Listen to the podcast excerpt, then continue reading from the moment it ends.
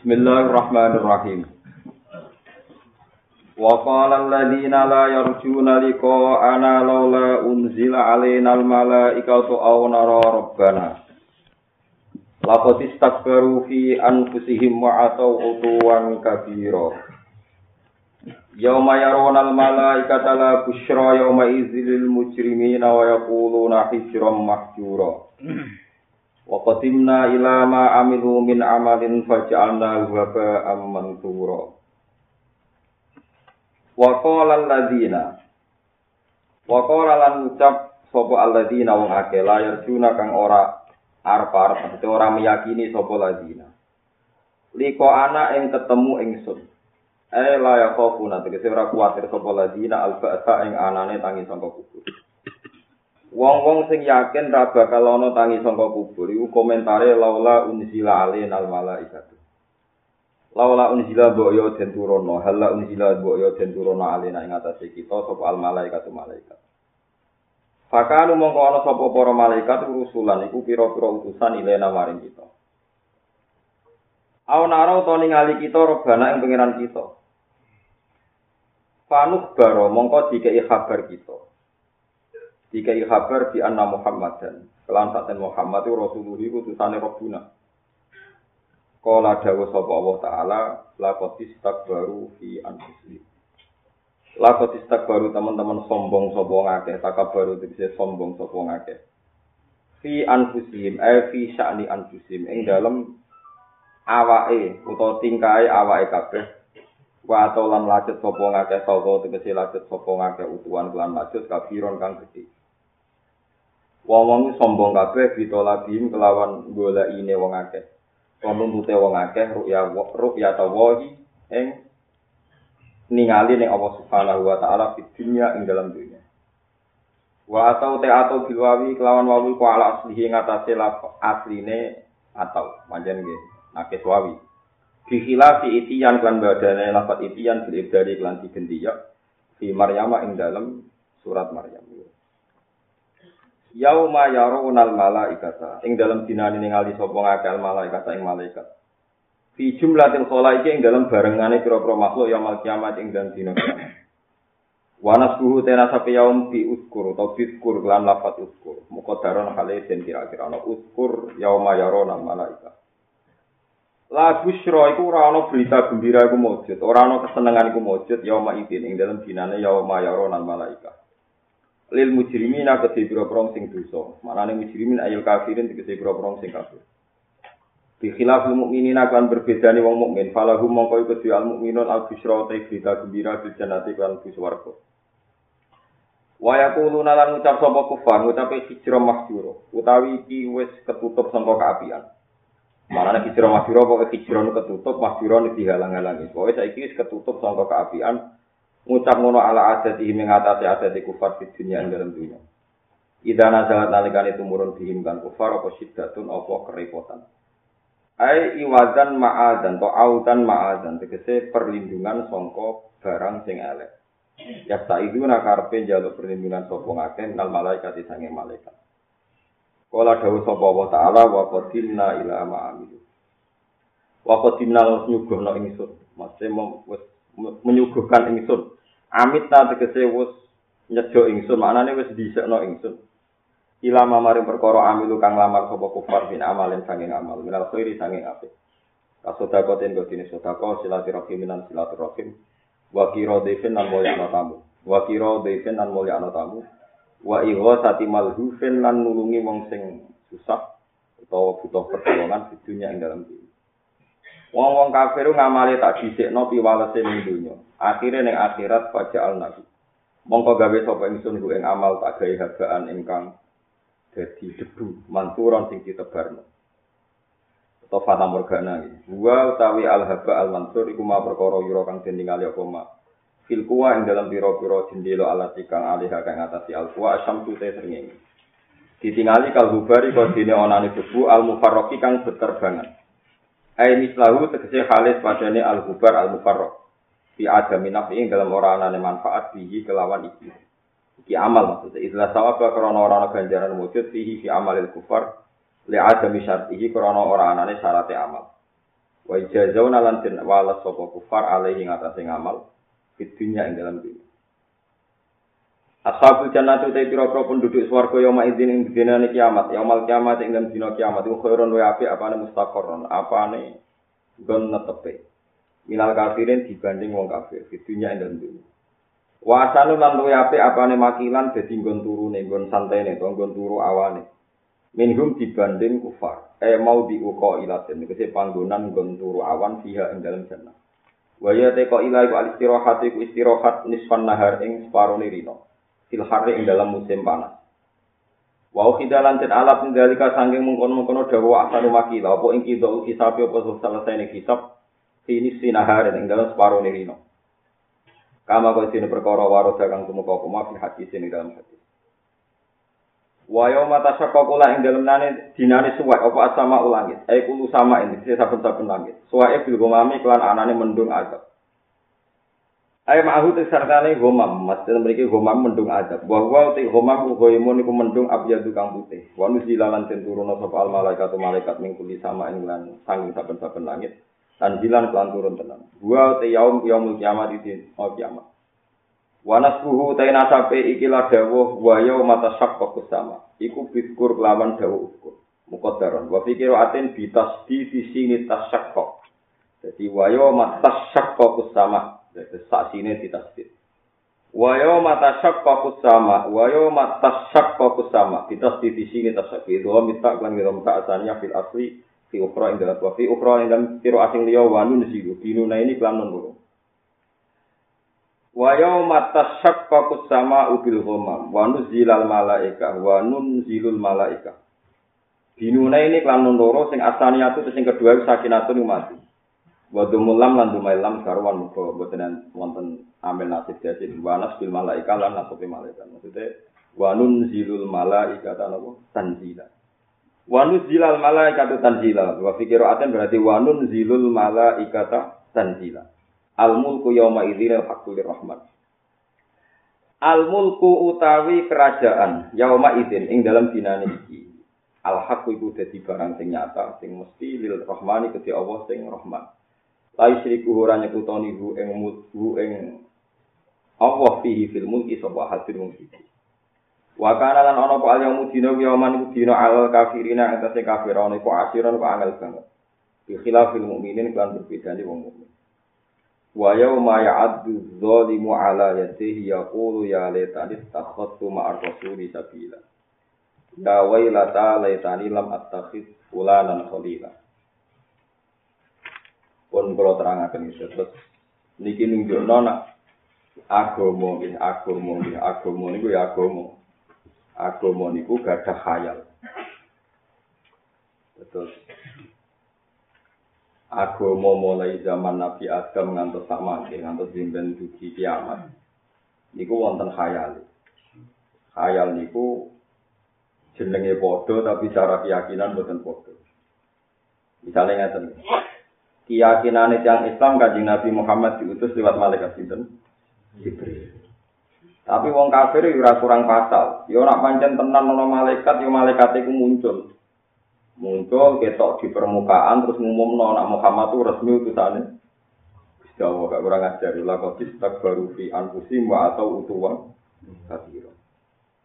Utawa awana robana pancen pangeran muncul ning permukaan terus ngumumno nek Muhammad iku rasule. Nek ora yo aku ora ngandel soalnya Muhammad bodoh ni.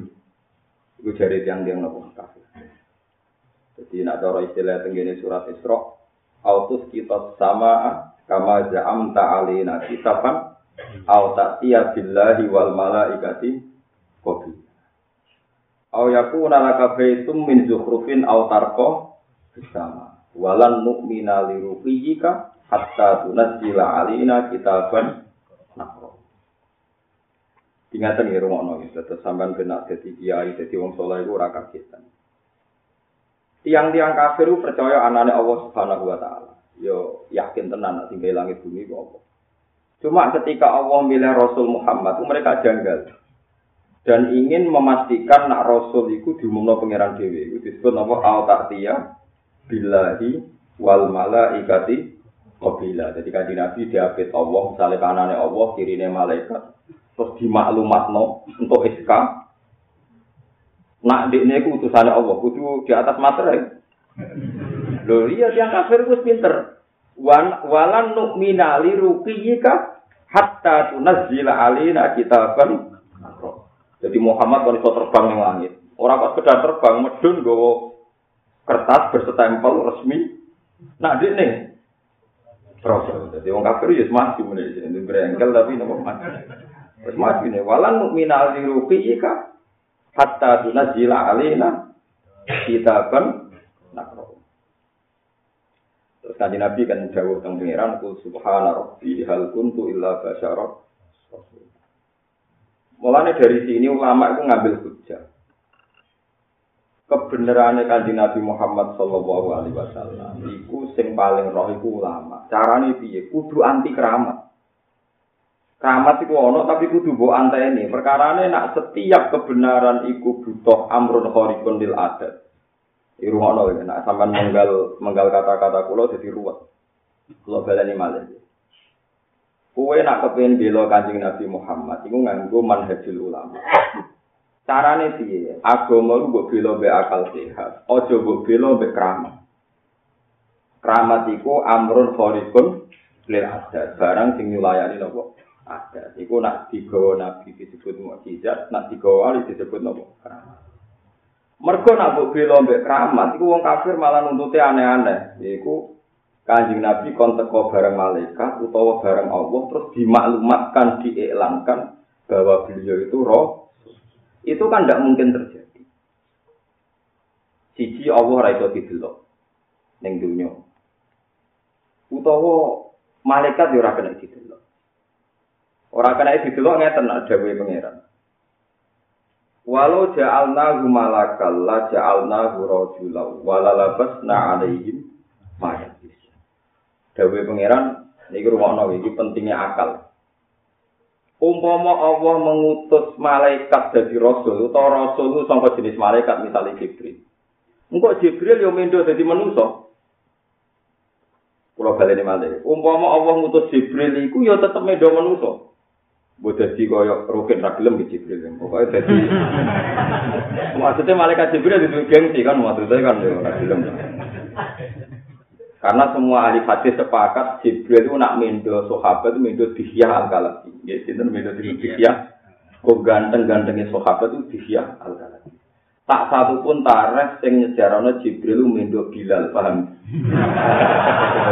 Jadi sama Jibril gak ada nopo gengsi. Kafir riwayat tuh nyerita no nak Jibril mendo sinten Bihya kalau tungguan dengan nanya sahabat sinten Bihya orang lo sejarah Jibril mendo sinten Bila Nah, contoh wong sekolah, itu era film, bukan rukun, mereka mana? Mon. Lah anak mendo wong, mendo koyok Bihya atau koyok wong kok wong darani Jibril yo menungso. Walau ja'alna rajulal, walau ja'alna malakan. Jadi la ja'alna rajulal.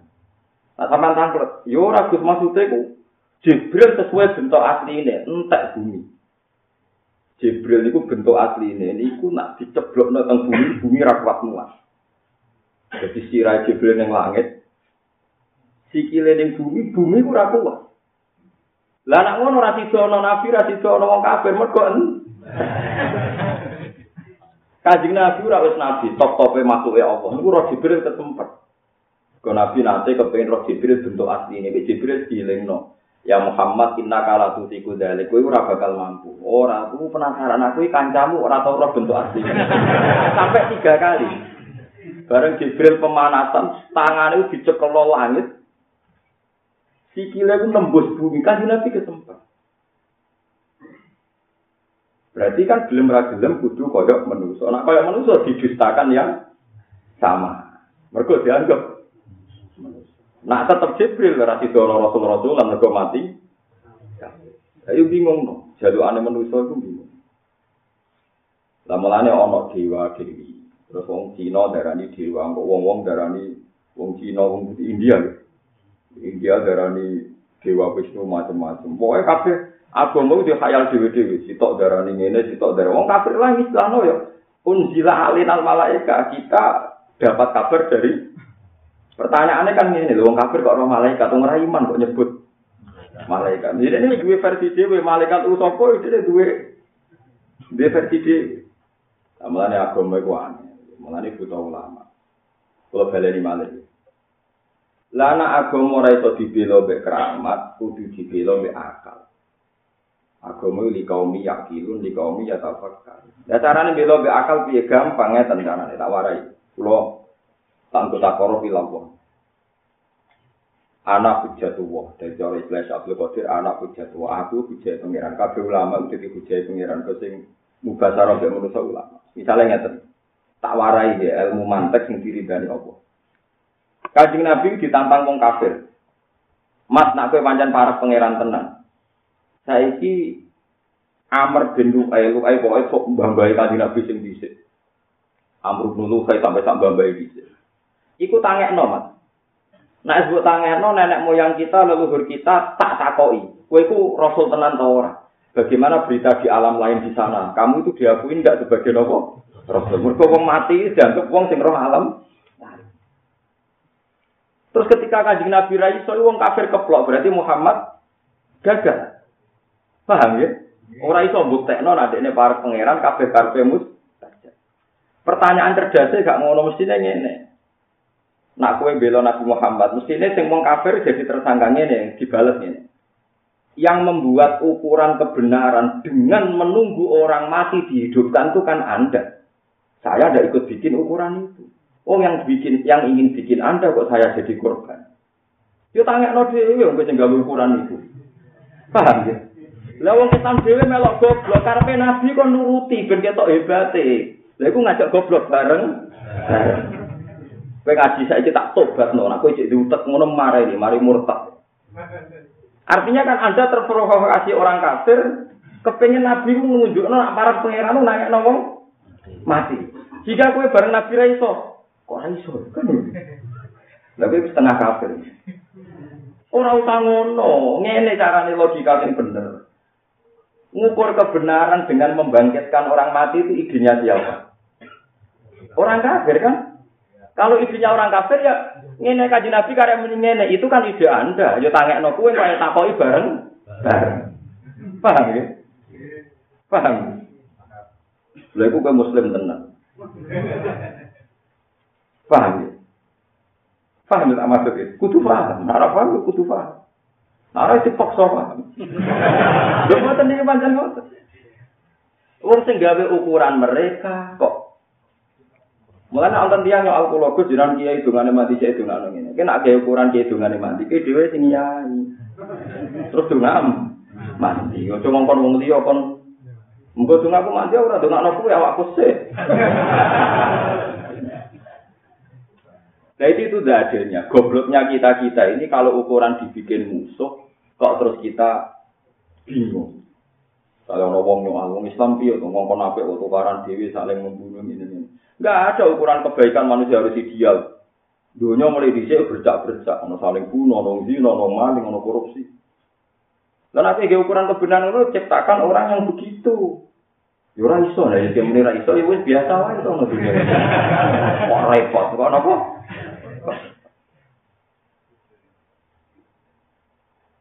Ini kalau lebih sering soal kesunan kiai kalau jarang roh kesunan sholat kopiah. Ya sholat kopiah kesunatan dilakoni orang ngomong liya nglakoni wis lakoni dhewe ngono ayo kok repot aku wis wong alim nglakoni alim untuk kon salat kopiah kowe sing kopiah apa kowe sing alim apal bukhari malah aku kan Milah jadi kon ngapal bukhari wis salat kopiah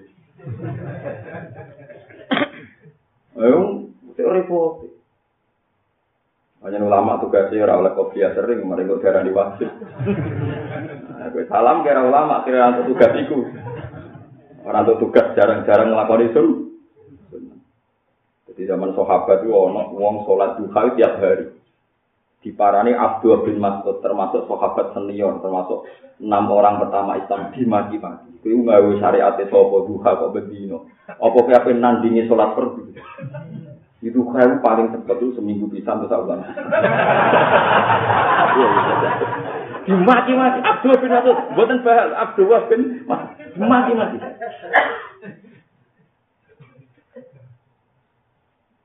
Mulane wonten tiyang sing boten nyunatno poso reje, ora nyunatno poso asyura, termasuk Abu Bakar. Jadi poso asyura disunatno binasi hadisi Rasulullah. Tapi tidak semua sahabat sepakat. Pemenang poso. Perkara nih, apa kue apa yang tandingan Ramadan? Dhisik ku romono Ramadan kunna nasumu asyura. Bareng ana Ramadan, famin nama yasum wa min nama yuftir ana sing poso. Jadi yen sahabat ku anggere wong poso kabeh, ana sing tentang poso. Nek ora kabeh ana sing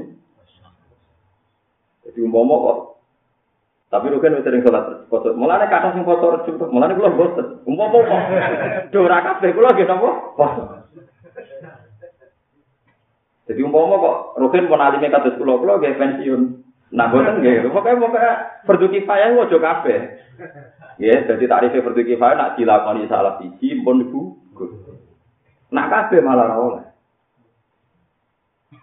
Ya malah kacau kan.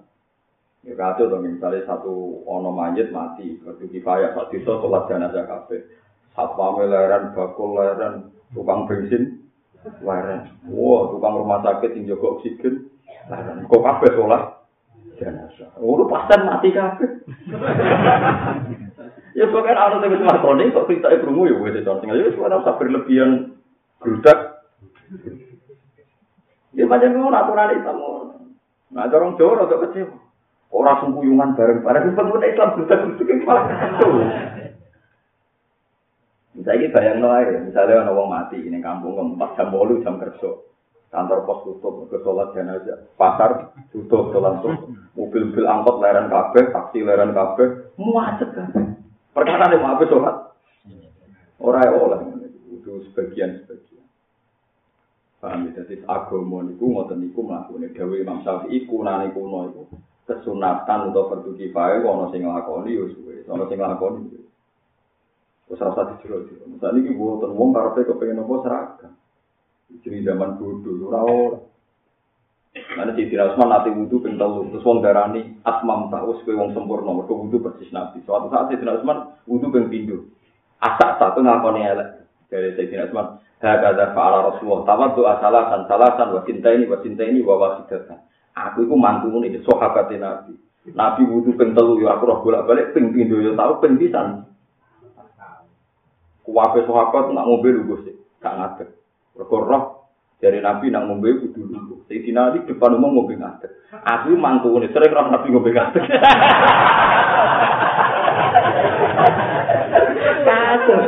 Akhirnya ulama ya Nah, kue kue kan serar, akhirnya ulama tak enak ide kan berkorok. Malah ada keunikan nak ngombe jam-jam kesunatannya nopo. Ngadir. Ya iku lama itu butuhnya juga kestabilan, dia juga nopo. Mau merano lama, sing ngombe ngatek tersangka. Baru kayak ulama, ibu jadi bener tekstina di juara ngatek. Ya banyak yo tenang, kesunatan itu gue tapi ngatek yo. Wudhu kesunatannya ping telu ping telu tapi ping loro. Mereka logikanya ngaten, Dewi Imam Syafi'i, macam ulama ini cerdas-cerdas. Lama gitu. Aku tak pikir cerdasnya nggak Misalnya wudhu wajib ping telu, ya kan ya. Batu istirahat ping telu, tangan ping telu. Ketika wajib ping telu, syarat saya ping telu itu sing angka pertama itu tujuannya apa? Bagian dari tiga apa pemanasan? Pertanyaannya dari Imam Syafi'i, mau wudhu ngenteni saya ping telu, berarti yang pertama kan gak ono gunane. Kedua ya ora ono gunane. Bareng ping telu lagi ono gunane. Jadi artinya nak ping pindo kok ra sida ya ora batal. Terus gunane apa ping siji loro ini? Lah supaya ono gunane ya siji ku anggap ngilangi fardu. Kedua kesunatan, ketiga kesunatan. Mulane kula nu nak makmum masbuk, misalnya makmum Mustafa, nek anggere Mustafa salam pertama kula ya wis ngadeg. Sajane kula ngerti ngene iku elek, sing sing apik ngenteni salam kedua. Tapi ulama kudu ana sing gelem bali lo pokoke salam pertama kudu ngadeg. Nah, kalau sering masuk, santri kalau katut kabeh, berimam salam pertama juga kabeh. ya apa, gue tandingan sing ngenteni salam kedua. Mergo pertanyaannya ngeten. Sing jadi rukun sholat itu salam pertama atau kedua? Pertama, yakin? Yakin. Berarti ketika sudah salam pertama ini imam sudah keluar dari sholat. Kalau keluar dari sholat dia sudah ada imam Anda kan? Kalau sudah ada imam Anda tinggal aja nggak lah apa buat ini wong. Wong dekne dhewe dada kok. Ya, mulane kula bali lho ngger imam salam. Tapi jeneng temu iki cerita hukumnya tok. Gue ini ngilingan. Nak ngono iku hukume ngono iku. Tapi tentu idealnya kalau ngenteni salam. Makanya dari Imam Syafi'i nak salam pertama bersalam kok dia ngentut. Iku gak batal, perkara ini sholatnya selesai. Tapi nak dia salam kedua malah masalah kan? Berarti dia merasa masih dalam kok sholat. Ya, macam hukum itu begitu ya sudah. Kira oleh protes, wong logikanya jangan Jadi malah nak salam pertama berarti orang sudah keluar dari sholat. Berarti kan sudah ada imam kan? Berarti nak aku ijek nganggep iku imam malah keliru kan? Wong rak sholat ya, Bu. Kok makmumi kan? Ayo kita aja ayo sing fanatik ngadeg bersalam kedua. Tapi aja nurut madzhab kula aja. Jadi apa? Madzhab Imam Syafi'i boten madzhab kula. Jadi kan arah aku ya bangga Imam Syafi'i. Tapi kena mbok lakoni disalahno wong akeh. Saku wae ngakoni kira melok-melok pokoke. Nah imam salam pertama itu oleh Mergo imam keluar dari salam pertama berarti sudah keluar dari nopo. Paham ya? Tapi api e idealnya yang nanti bersalam kedua, ya hukum sapi api itu seraro. Jadi eleng-eleng kalau kalian ini malah, kue nak belo kan Nabi Muhammad Sallallahu Alaihi Wasallam, niku belo nganggo akal. Carane gini, nak Nabi dikongkon munggah langit, nak kue munggah langit berarti Nabi ten Mergo aku roh pengumane pangeran nak kowe nabi. Yo nak saiki sing gawe ukuran wong kafir ya kon munggah dhewe ning langit. Delok berita langit Muhammad nabi tenan. Wong mereka yang bikin ukuran kok kita yang disuruh melakukan. Fair ta orang Gak kan? Misalnya kalau pulau di soal, Gus Kiai kudu suka beda ada di beban wong. Ya suka enak benang bar. Kok usul toh? Misalnya kiai kudu zuhud terus gak ada duit, sesok tawakal, yo latihan dewe kue wae sing kiai. Kok malah ngongkon? Gua tuh kali misalnya rukun, wong lanang kudu dibujuk, yo lakoni sih nak iso. Setelah itu yo meneng ae wae. Kok wong liya dikongkon apa? Ngapa? Lah kita ini sering dijebak oleh orang kafir, orang munafik, mereka bikin ukuran kebenaran, lalu korbannya kita. Kalau kita tidak bisa seakan-akan yang salah, Ketika Rasulullah raiso terbang ning langit, raiso ngeduno pangeran, raiso bareng malaikat, seakan-akan Rasulullah gak rasul, mergo raiso nekano malaikat. Iku pintere tiyang nopo? Kafir. Melanjut wa makaru, makro wa makarna. Jadi mengkafir senengane gawe reka. Mulane masyhur Sidina Ali nate bacok Sidina Umar. Sidina Ali cerdas-cerdas wong. Itu tahu dipermalukan yang Yahudi. Sing ramu ya Umar kok dibacok. Pertama ada berita Mi'raj. Iku wong Yahudi nekani ning Ali. Ya Ali sing terkenal pinter. Ya tapi sak pinter-pinter Sidina Ali kan wong waras, wong bener kan gak gelem bodoh nih. Kena wong Yahudi yo pinter yo pinter. Bodoh. Ya Ali. Apa? Jadi si kelem angkat sitok. Sidina Ali gak nyongko nek urusan Mi'raj. Ya diangkat ke Ali. Barang diangkat sitok, sitok enak. Yo ora iso blok goblok. Lah iya ngono jare kancam maksudnya Muhammad. Ngono sofi bukum. Ngono kancam ngeklaim iso terbang nih. langit. Mau gue dewi ngono ya iso. Ya tidak ada kayak ada kurang ajar gitu. Ya tidak ada mau bisa. Padahal Umar dari soal alam si dinari, gue lagi si dinar Umar. Ya apa diperlakukan yang sama. Bawa Umar gue berkewali, bawa muka apa, bawa berkesirah kelakuan Yahudi. Ya Umar, as'aluka amr. Aku apa takut gue? Nah, gue itu jawab, ya sahabat Muhammad tenan orang Maka anak aja sentai ini gue. Dibeli Umar mlebu mek pedang. Pelayan deh. Umar ngerti lah kalau Ali. Wong ambek wong Yahudi kok mbok jawab. Jawabane wong Yahudi ya pedang iki.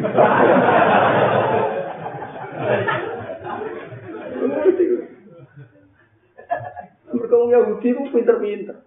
Sampai jadi asbabin nuzule wa inna sayatina la yuquna ila awliyaihim yujadilukum wa in ata'tumuhum innakum la musyrikun.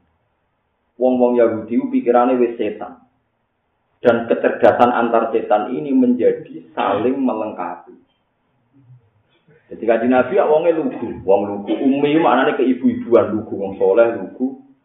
Buka kepengen bodoh lain, jadi nopo umi, Kita kok, ya Muhammad, nak wedus mati, sing mati ini sopo, ya Allah. Ya wajar kan Nabi kan Nabi ya. Aneh mata agama. Sing dipateni Allah langsung haram, sing liwat tangan-tangan manusia sing berlumuran dosa haram. Harusnya yang dipateni Allah itu yang halal karena orisinal. oh no, kok elek nanti. Tadi Nabi yo mental ketemu wong ngoten nang. Cara kula, cara sahabat, sahabat kan oleh tangkem elek ora nabi. Yo nang ngono pangan dhewe, kan. Tapi Nabi kan gak pantas ngendikan koyo rukin, ini kan ora mungkin kan. Nah, cara aku gampang menong Yahudi ngono, ya wis tak halal pangan dhewe. Paham?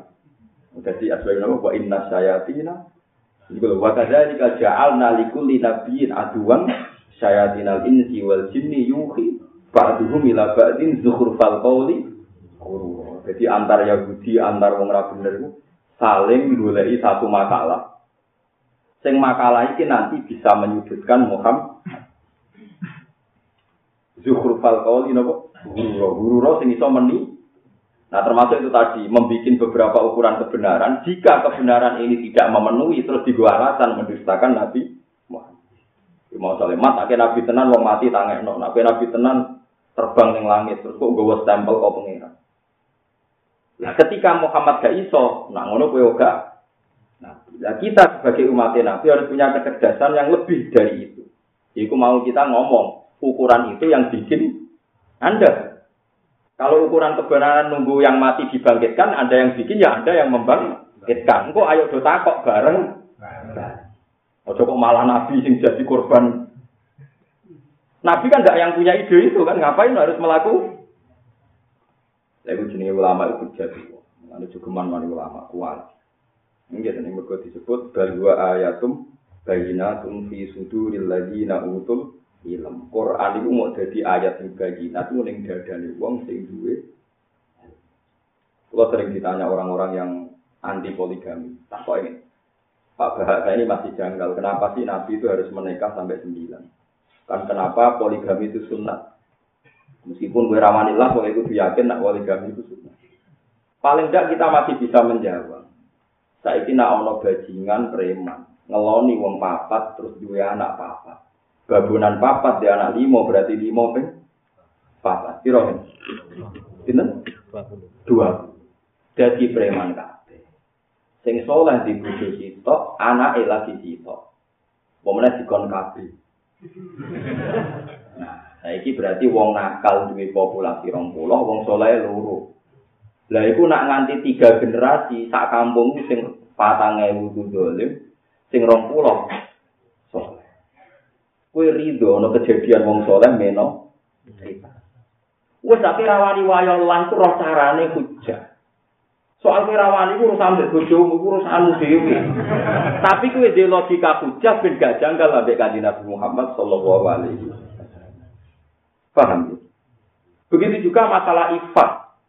Cawe itu buat rabi itu jadi gak zino, jadi wong apik. Berarti kue ngapik no wong sitok. Iku ya apik, loro luwe apik, telu. Ya wis ngono wae. Tapi ini Gus nak payah ucul sitok iku urusan nem.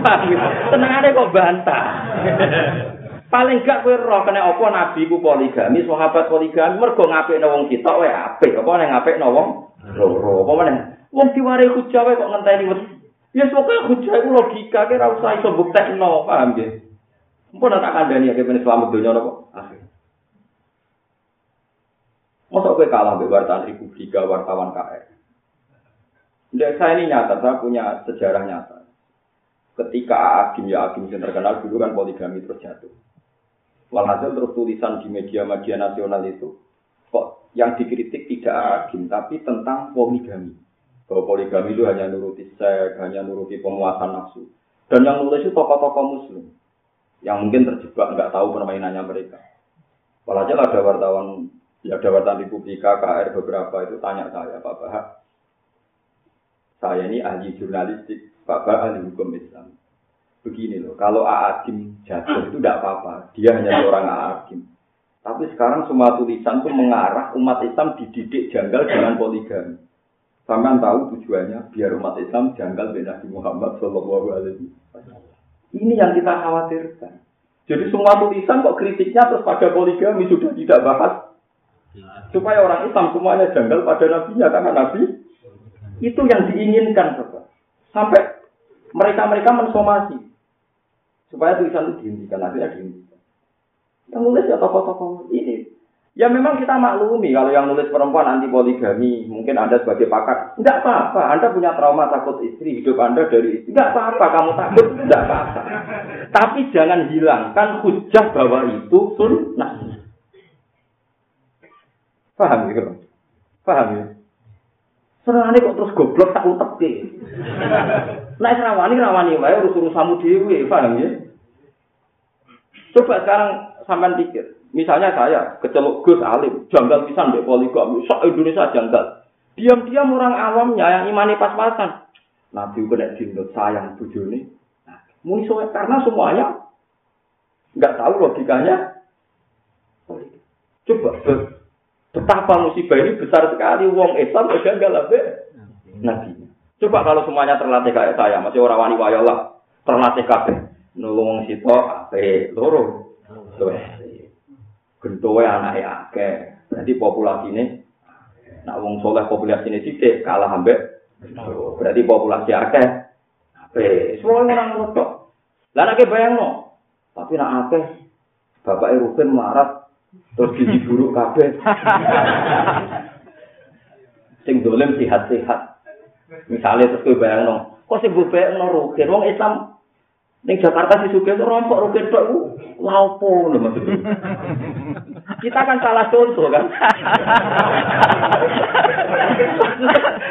Ya misalnya contoh Islam Abu Rizal tadi kan ayo kena laopo contohnya apa? Lah kadang sing bantah kok sing bantah nyontokno. Misale rugen wayo bojo. Terus anake gizi. Lha laopo contohnya sakri tengi laopo. Sing kon gawe contoh rugen iku sapa? Mbok contoh misalnya saya Muhammad walim alama garwane akeh, turunane ya walim Kan gak masalah sari hidayah tuwa. Gunung Jati turunan bojone wakeh turunane wakeh. Wabe wong alim turunane sari sinten hidayah bojone pirang-pirang. Sunan Ampel, Sunan Gunung garwane ya akeh. Lah opo contoh rukin barang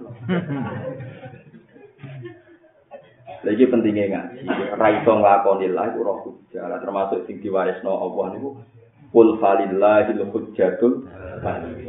Hujjah Allah diliwatno ulama. Dawe Sidina Ali, aku paling tak kangeni ulama sing marisi hujjah tuwa. Ya sing iso ngekeki penjelasan.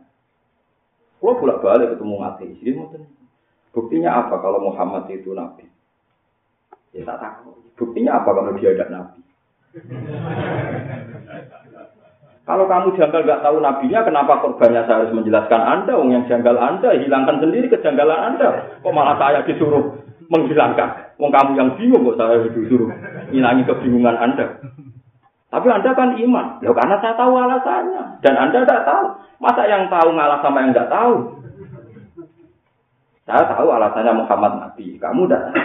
Masa yang tahu anut yang nggak tahu. Mikir deh. Wong nggak tahu kok bangga. Nggak tahu kok apa? Bangga. Apa tuh hebatnya ulama kok diikuti? Loh kamu nggak tahu kok bangga dengan pemikiran anda, wong nggak tahu. Nah, kalau saya tahu hebatnya ulama, maka saya tidak janggal hormat ulama. Tapi saya tidak tahu, ya sudah. Tidak tahu itu sifat naksun, sifat kekurangan. Tahu itu sifat kelebihan. Masa yang tahu, anut? Tak warai nih paham. Mulai kue wiridan, gak ora wiridan, cek para pangeran pulau. Sekarang pulau mikir tenang, hujat tua. Ya tenang sampai bujuk kulo saat namun pulau berdek nangis dalu-dalu. Kusinan istikhore nopo no hadis yang aku gak paham. Aku maknane paham, lafati paham, tapi aku ora paham maksudnya hujai Allah itu. Tak istikhore tenang, nanti nangis. Kulo betul nanti nangis rati duit. Ora koyo kowe. Wiridan dari Allah kepen duwe akeh. Jadi pani pangeran kok nyaur utang. Pangeran kok pangeran ra melok gagekno BPKB kok kok Lu sing utang yo sapa, sing nganggo iku sapa? Kok pangeran mbok ora Apa pangeran melok nganggo? Nah kecuali pangeran hukumnya melok nganggo bogo masjid tak digo perdamaian dunia iku oleh. Mulane gharim wong sing utang demi kebaikan oleh entuk Wong utang kan gue wetengmu, gue kepentingan, gue pak lapor apa? Pantasnya ra kula cara diutang lapor pangeran. Mergo tak gue dakwah, lah utang gue gue. Jadi mulane pujai Allah itu penting. Mergo nak pujai Allah hilang kasus. Ojo nganggo keramat karena tidak semua orang mukmin itu bisa keramat, nganggo akal. Ya tidak semua orang mukmin bisa nopo keramat. Tapi nak akal lah anggar wong iso dilatih. Lane agama ini kaum yakilun di kaum meskipun keramat itu ada bagi orang tertentu, tapi nggak bisa karena ada semua orang bisa, ada semua orang apa? Paham? Mulane itu masyur ulama riyen nak debat-debat. Mu'tazilah debat abe ahli sunnah kalah yang perkara contoh turu. Menurut saya manusia itu bisa menentukan keinginannya, jika dia menciptakan keinginannya sendiri. Buktinya kepen ngadeg ngadeg, kepen luguh-luguh. Ketemu ulama ahli sunnah cerdas. Ya saya ini bukti nopo kepen turu terus turu. Nah, ora iso nek iki. Mana Allah dawuh wa min ayatihi mana mukum billahi mana ayat kejayaan Allah malah wong iso turu. Pas karep ra iso.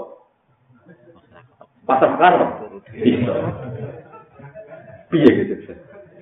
Tapi sadari ya disuruh Mana ayat terbesar ada itu turu-turu. Ayo jajal wong paling cerdas tak dunia. Apa ngadeg-ngadeg tuku wong wedok iso 80 juta sing 40 iso. Tapi tak kon turu ora iso yakin betul.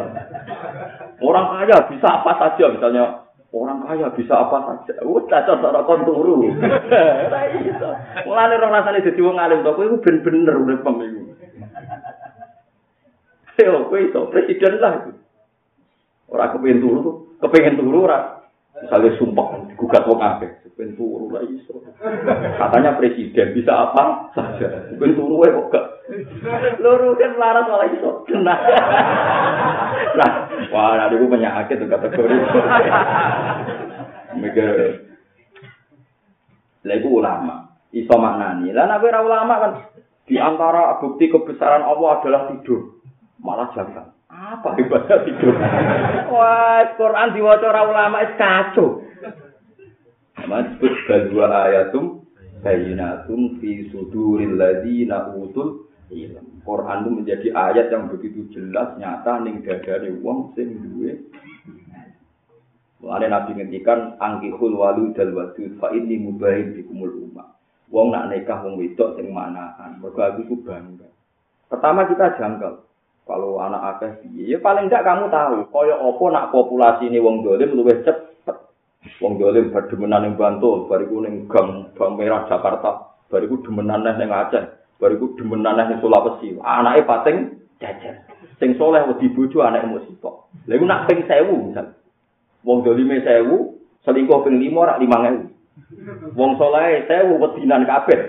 Anake mau Lah anak wong dolim kok yang dolim selingkuh meneh. Wah, populasine bermiliar-miliar kan? Paling ndak kira rawani wayo Allah ora logika iku. Wis akeh tetep rawani ku apik. Mau wis ngadu kula tak jamin itu bagus. Wis bikin masalah, paham Tapi kue roh logikane ben gak janggal mbek Kanjeng Nabi. Ini ku tok kepentingane ulama iku wong gak janggal mbek Nabi blok kok Wangel teman rangno kowe. Paham kan, ya orang wani lah, ya tak jamin ya. Ya biar aku kuat barang, nak rugi. Jadi rawayo kan kemungkinannya lho, rawani ya, Mbak. Wah. Soalnya sing kuat, tapi rada kesempatan. Wes cek ngono-ngono lah, pokoknya aja sampai kita didikte anti nopo poliga. Mergompok wong Islam jangan lembek kanjeng Nabi Muhammad sallallahu alaihi wasallam ku sing dikuatiri napa ulama mun namun iku kok boten ada kepentingan kula kok sampean rata kok lah tak terang Begitu juga kalau sering ketemu santri-santri sing ra diklenek. Kepingine kiai itu duwe keramat. Jadi ben wong kafir wedi. Apa padha karo kepingine Nabi Muhammad tuh nangekno wong mati ben ketok hebat. Iya nak ketok hebat, nak terus pikiran wong kafir, lho jebule dikongkon gelem. Apa ora lara, nek jebule wis dituruti tenan jebule. Wong kono sama ora bener masalah. Umpama dituruti ana keajaiban ya kok dianggap si sihir.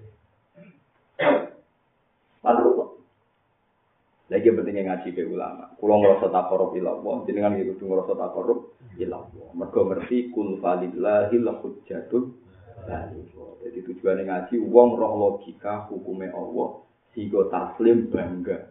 Nah agama ini menempati akal kasta tertinggi. Paham ya? Menepati kasta akal nopo tertinggi.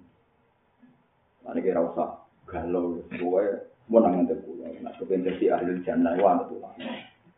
Lama gue tidak ada kepentingan nopo-nopo.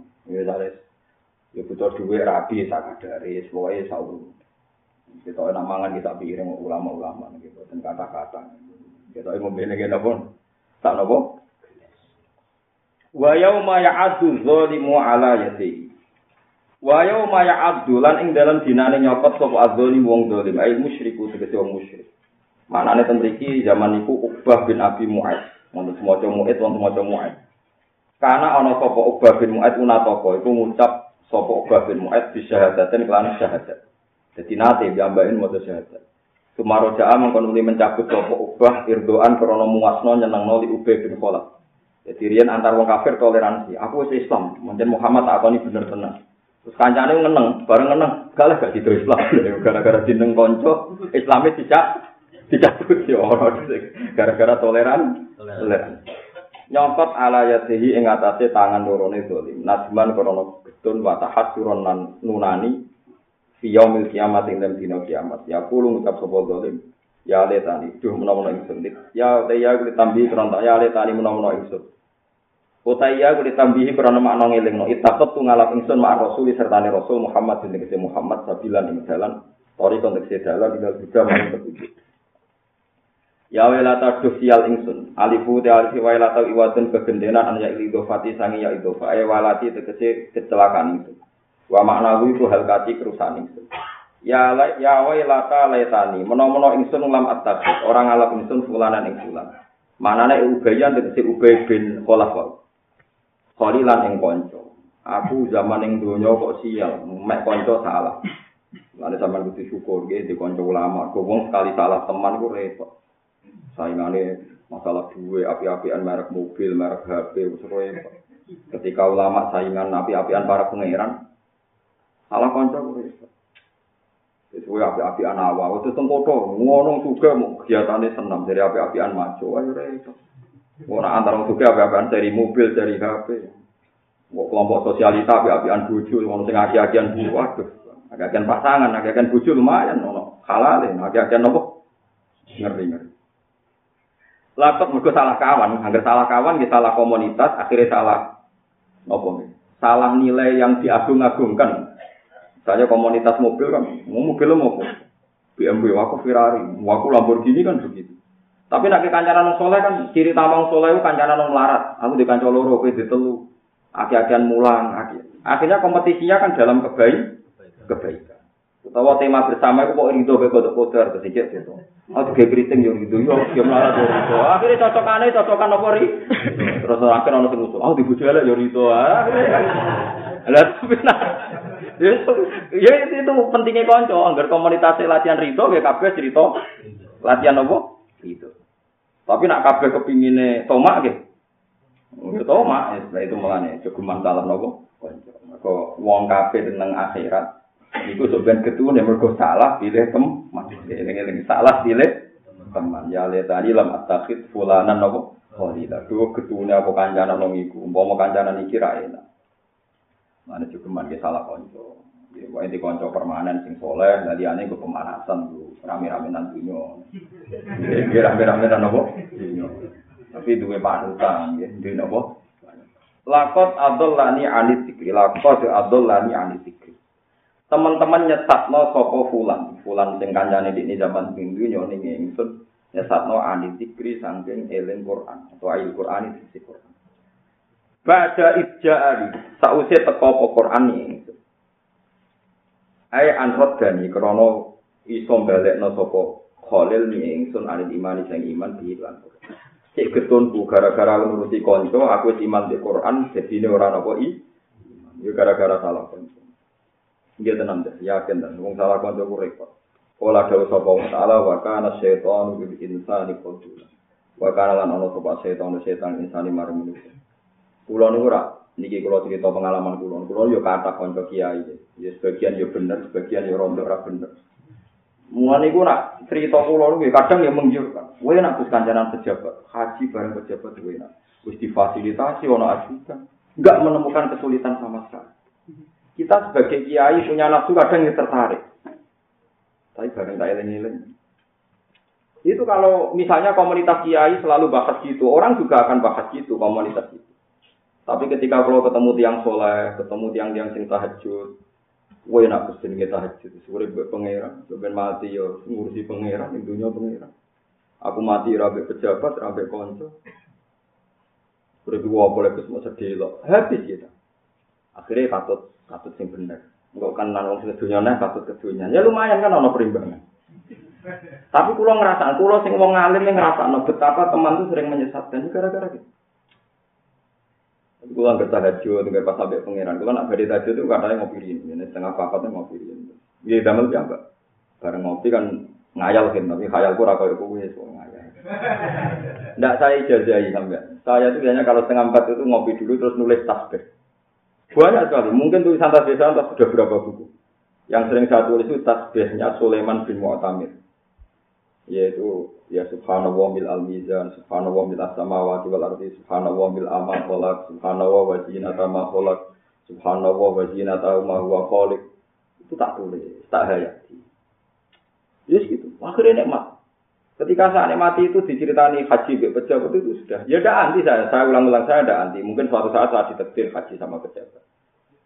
Tapi saya tidak tahu apa takdir itu kelaksanaan apa enggak. Semoga ya enggak tahu lah pokoknya enggak tahu tapi paling enggak harus menjadi asik opo kenal pejabat. Meskipun saya ada. Karena saya sudah menikmati itu. Gampang, caranya kancanan ulama itu tadi. Ketika saya belajar Ihya, belajar Abu Qasim Al-Junaidi di Terangno. Yang dari ibu ya dewean, gue sebenarnya kuburan dewean, sebenarnya ngadepi Allah dewean, kayak ngeliwati siratal mustaqim. Wedi siratal mustaqim be pangap. Ini temannya pangap. Teman pangap dia mikir ngadepi siratal Kowe iso gertak malaikat mungkar nakir. Saya temannya Pak Presiden. Malah semangat nuduh.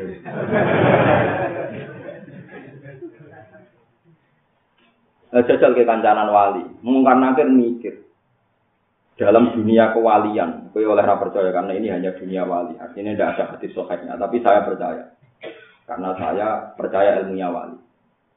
Yang bisa menggetarkan mungkar nakir itu wali ya Robi Adawiyah.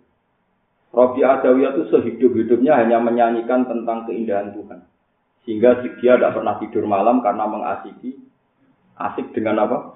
Tuhan. Agar apa ngantuk nyifati Allah hati itu ngantuk. Begitu. Pokoknya dia sehidup-hidupnya itu asik dengan Allah. Mulai sampai pernah dengar itu Robi Adawiyah. Ketika dia mati, malaikat mungkar nakir itu secara tidak sopan daro ini. Tak kok. Marok juga, pangeran marok bugi, itu Nangis Robi, nangis tersedih-sedih. Nangis. Ya Allah, niki wonten tiyang jenengan zat paling zahir, zat sing sak donya kudu kenal, kudu roh. Niki wonten makhluk jenengan aneh. Takut jenengan niku sinten? Kok wae sedhen. Kok ana wong cek nakokno pangeran niku sapa? Wae. Ya Allah Gusti, saya belum pernah setersiksa ini. Menurut pulau jenengan itu az-zahir, zat yang begitu. Jadi tidak perlu dipertanyakan. Niki wonten kawulane jenengan tangkur jenengan niku seneng wae. Wong akeh bingung waduh iki piye. Nah, dene prosedur ae ngadepi Akhirnya matur pangeran, Gusti niki sepundi lah ya wong ngono kok takok. Jadi kita warai, jadi sampean Enak niru Robi Adawiyah ya monggo. Cuma anak gue niru gawe-gawe tetep ditutup. Karena Anda tidak punya perasaan yang sama dengan Robiah. Hanya cinta Anda kan tidak berpuluh-puluh tahun terbukti ya. Cinta Anda sesak. Iku wae seneng Allah gue ngadepi mungkar nakir, tambah semangat. Robiah ada kan cinta sejati. Jadi dia ini janggal, orang ngomong kok nyebut ya Allah janggal. Allah itu az-zahir. Mulanya dari ahli hakikat, maro ausyi'an illa waro Allah hafihi. Tidak pernah melihat sesuatu kecuali melihat Allah. Mereka misalnya dulu bumi ya gaweane Allah, dulu Mustafa ya gawe. Kuat yang berdulu perkara ini Allah. Lah Allah zat paling jelas az-zahir, zahir banget jelas. Lu barang-barang jelas kok ditakokno Gusti kula kecewa. Teng dunya kok tesih wonten tiyang sing tanglet jenengan niku. Gusti iki kawula jenengan paling aneh sing nate kula temu. Wani iki.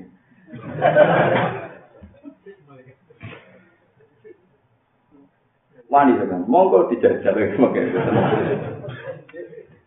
Jadi kancanan wali di pikiran wali, kancanan wong dolim akhirnya di pikiran apa? Lana kira iso kancanan di sinau kita. Kena iso tak sinau, tak obral. Gampang tuh. Ngaji nih justru nak ngomong dong. Sapa diem kok repot. Ngaji ini bagus. Dan rasa kenal gula, mungkin Karena ora sausane pangeran berikhlas ketemu lho di swarga kok repot. Kok apa? Mungkin aktor. Jadi paham. Begitu juga pikiran Imam Sibawi. Imam Sibawi darani Allah a'raful ma'arif, ma'rifat ma'rifate isim ma'rifat itu lafat nopo? Allah. Mergo Allah lafat paling jelas. Akhirnya Imam Sibawi yang lebih swarga. Barokah darani Allah a'raful ma'arif. Jadi uang lebu suwargo itu baru kayak pikiran wali-wali. Disebut al-hujjah. Disebut apa? Al-hujjah. Oke. Mana cara ya? Kalau nu tak eleng-eleng Abdul Qasim Al Junaidi, nak ngendikan yo lucu. Ya orang cangkem elek cara ngawam, tapi dia wong alim, wali. Jadi dia ini orang percaya orang di pangeran. Misalnya Mustafa kan menamuni di pangeran, yo nangis, jadi lebih rokok, nangis. Baru mangan yang dah. Bariku ngeloni bojone yo anake Oke. Mulai dari Abdul Qasim Al Junaidi. Hada khawfi minka. Hada amni bi hada amni minka ma al khawfi minka. Fakih fa amni minka ma al amni minka. Gue jeling. Maksudnya nggak Hada amni minka ma al khawfi minka. Lu kulo teng dunya ora munamuni wedi jenengan ya Gusti, tapi waya mangan. Ayo jajal wong sing istighosani. Dilingno dosane nuwang ya kabeh. Bariku ngentek sego. Wes ora usah munafik, lu biasa mah buat niku mboten F kok. Istighfar dileng no dosa, nangis kabeh. Bariku disukui mangan tak ora. Iku ora F, tau lagu lagi ora F lho, mboten celok. Ya tak ya tak.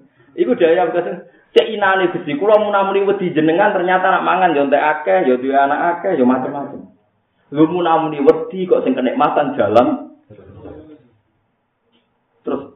Fakai fa amni mingka ma'al amni mingka. Fakai fa farohi bika ma'al amni mingka.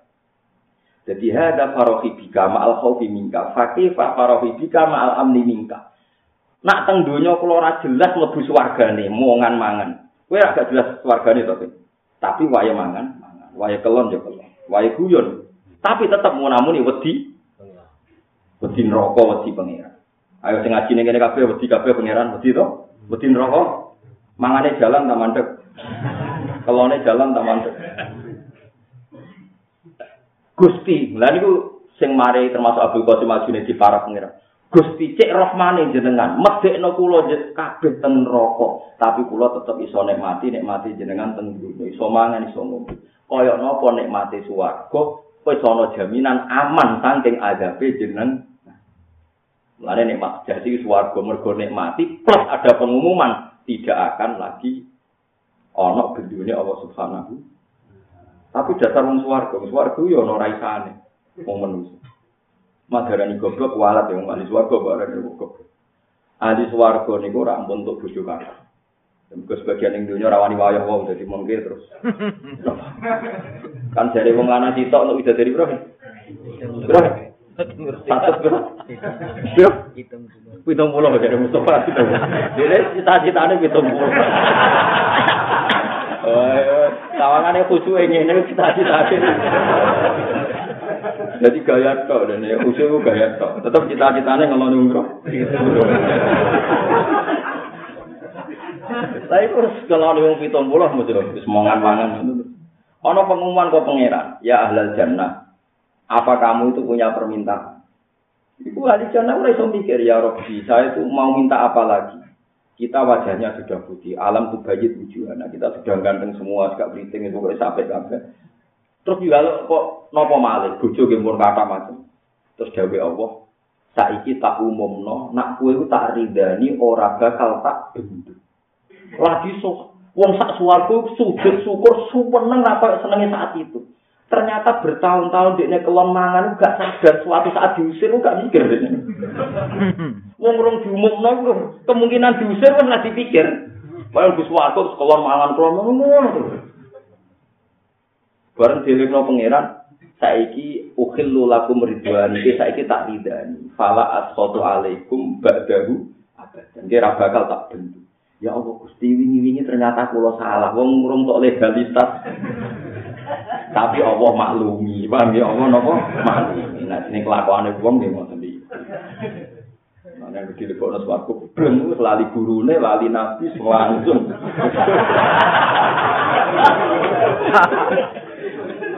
Wes langsung. Parah. Mulane masyhur ning dunia kewalian niku nang kitab-kitab wali kados teng Arisalah Al-Kusyairiyah, teng kitab Hikam, Abdul Qasim Al Junaidi wali-wali suwan pangeran dipimpin kanjeng Nabi. Kita kok ya antar wali takok. Sim, ya mereka. Abu Yazid sim, nanti umatem kok dhewean. Iya sih, padahal wong sing senang aku kudu mlebu swarga. Terus Allah dawuh, umatem iku ngibadah be aku yang kepen mlebu swarga sing penuh widadari di pakanan. Hum mereka yang pawon di swarga iku do mangan. Lah anak kuwe kekasihku mergo cita jam di swarga kepen ketemu aku yo ben ning kene. Ya, tapi kan sesuai rencana, memang inginnya itu ya sudah. tapi alhamdulillah pangeran itu orang tersinggung. Wong mlebu omahe pangeran ora pamit. Yo ora sowan sik kok dibarno. Lho iku atangke. Lho cara aku sing doa mata usir. Lha iku gak ana riwayat pangeran ter Ya abal kosim wong-wong iku cita-citane swarga iku mangan-makan. Mulane ora wor kuwe iku do ning pintu ning pawon-pawon ini apa? Swarga. Tapi cara kula nggih mun sae dah bagus. Cek cuma cek ra sopane maksudnya mlebu. Mane lewat ngaji niki kula suwun ana ijek sadar nggih eling. Pokoke mlebu pertama niku Gusti kula madosi jenengan badhe nikmati Tapi nak wis ra kuat ya wis Wes susunudone be pangeran, nah iki wes be. Ngempet rawa ya wis wedi bojo macam-macam sing dunya wis ngempet melarat ya macam-macam wis. Paham ya terus. Mlebu swarga ya kelas-kelas. Ini cuma nggih wae kula pesen. Uang nak kancanan wali. Misalnya kira menangi Imam Ghazali, Abdul Qasim Al-Jilani, menangi karyanya. Oh, nak raiso ya takut ulama. Kalau nggak ada naskah wali itu banyak. Di antara kitab Tobaqatul Auliya karangan Imam Sa'roni. Imam Sa'roni itu uh, muridnya Imam Zakaria Lansori. Makanya banyak kiai Jawa jadi apa? Sa'roni. Karena dulu ada wali kutub namanya siapa? Sa'roni. Saya punya naskah itu banyak sekali. Tidak sekedar banyak sekali. Namanya Tobaqatul Auliya. Jadi kelasmennya para wali. Dan itu nggak ada nama anda di situ itu. Jadi wali orang kelasmennya kan? wali sangka ulama, misalnya Imam Syafi'i, Imam ini wali dari kelas kutub ini, ini wali Abdal ini. Uh, saya tidak tahu kenapa nama anda ada ada, tapi saya yakin beliau bikin itu tidak karena sentimen. Jadi yang tidak masuk-masuk memang ya tidak masuk, memang yang tidak masuk. Nah, teman-teman, cara nih ya Gus, mereka itu orang-orang khusus yang punya kriteria, punya ya karena mereka punya aturannya sendiri. Tapi yang saya itu tidak per, apa ya? Saya tidak peduli dengan keramat-keramat wali itu tidak peduli. Hanya tidak peduli itu itu tidak penting untuk cara kita benar Nabi Muhammad. Yang penting adalah cara berpikir mereka, akal mereka, cara mencintai Allah Subhanahu wa Itu yang saya kira. Itu tadi misalnya Abu Qasim Al Junaidi, Abu Yazid, itu tiap mangan ngendikan. Gusti kulo seneng jenengan itu wajar. Wong jenengan sing keimangan kulo. Jenengan sing ngekeki tempat kula, ngekeki nikmat kula. Jadi kula seneng jenengan iku wajar. Sing boten wajar jenengan kok seneng kula, padahal jenengan enggak butuh. Loh Allah tuh enggak butuh kita, tapi Allah mencintai kita. Loh coba Allah ngasih kita makan tuh alasannya apa? Wong Allah enggak butuh kita. Lho kayak ngekek mangan buruh butuh pekerjaannya, ngekek mangan bojo kayak butuh ngeloni. Wong ora butuh kok ngekek. Coba baru kayak saya baca itu, cinta saya sama Allah itu menaik mungkin seribu derajat. Karena saya kagum sama Allah, nggak butuh kok ngasih. Coba Anda pergi ke Jakarta, kenal orang yang nggak butuh kamu, dikasih satu juta aneh nggak aneh kan? Nggak butuh sama sekali sama kita. Allah itu nggak butuh sama sekali sama kita, tapi ngasih. Dan pikiran itu kita temukan dari naskahnya para Ya aneh tuh, kan ora butuh kok.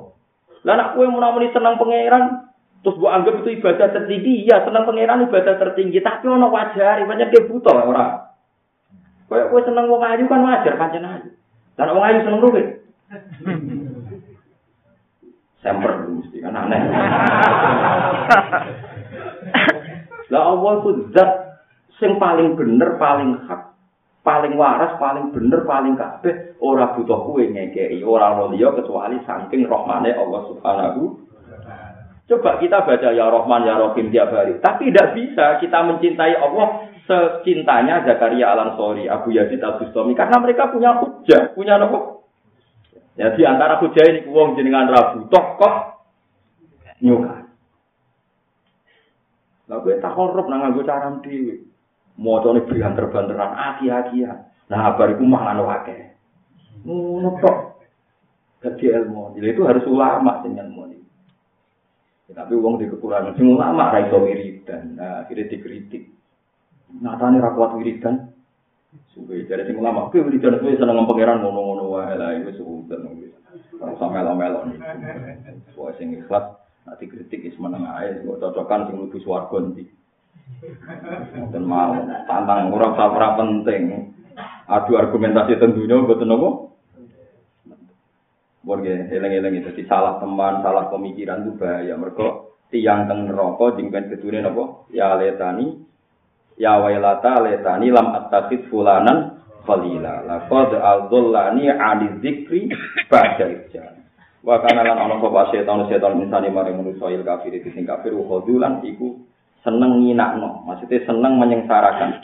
Bi ayat rukau, bi ayat rukagu, gambare arep ninggal sapa setan ing wong dolim, Tapi tak usah ditinggal wae tabarru alan dada ya utawa napa lebaran sapa setan ing sanggung dolim min balak nalikane siksa. Wa rasulullah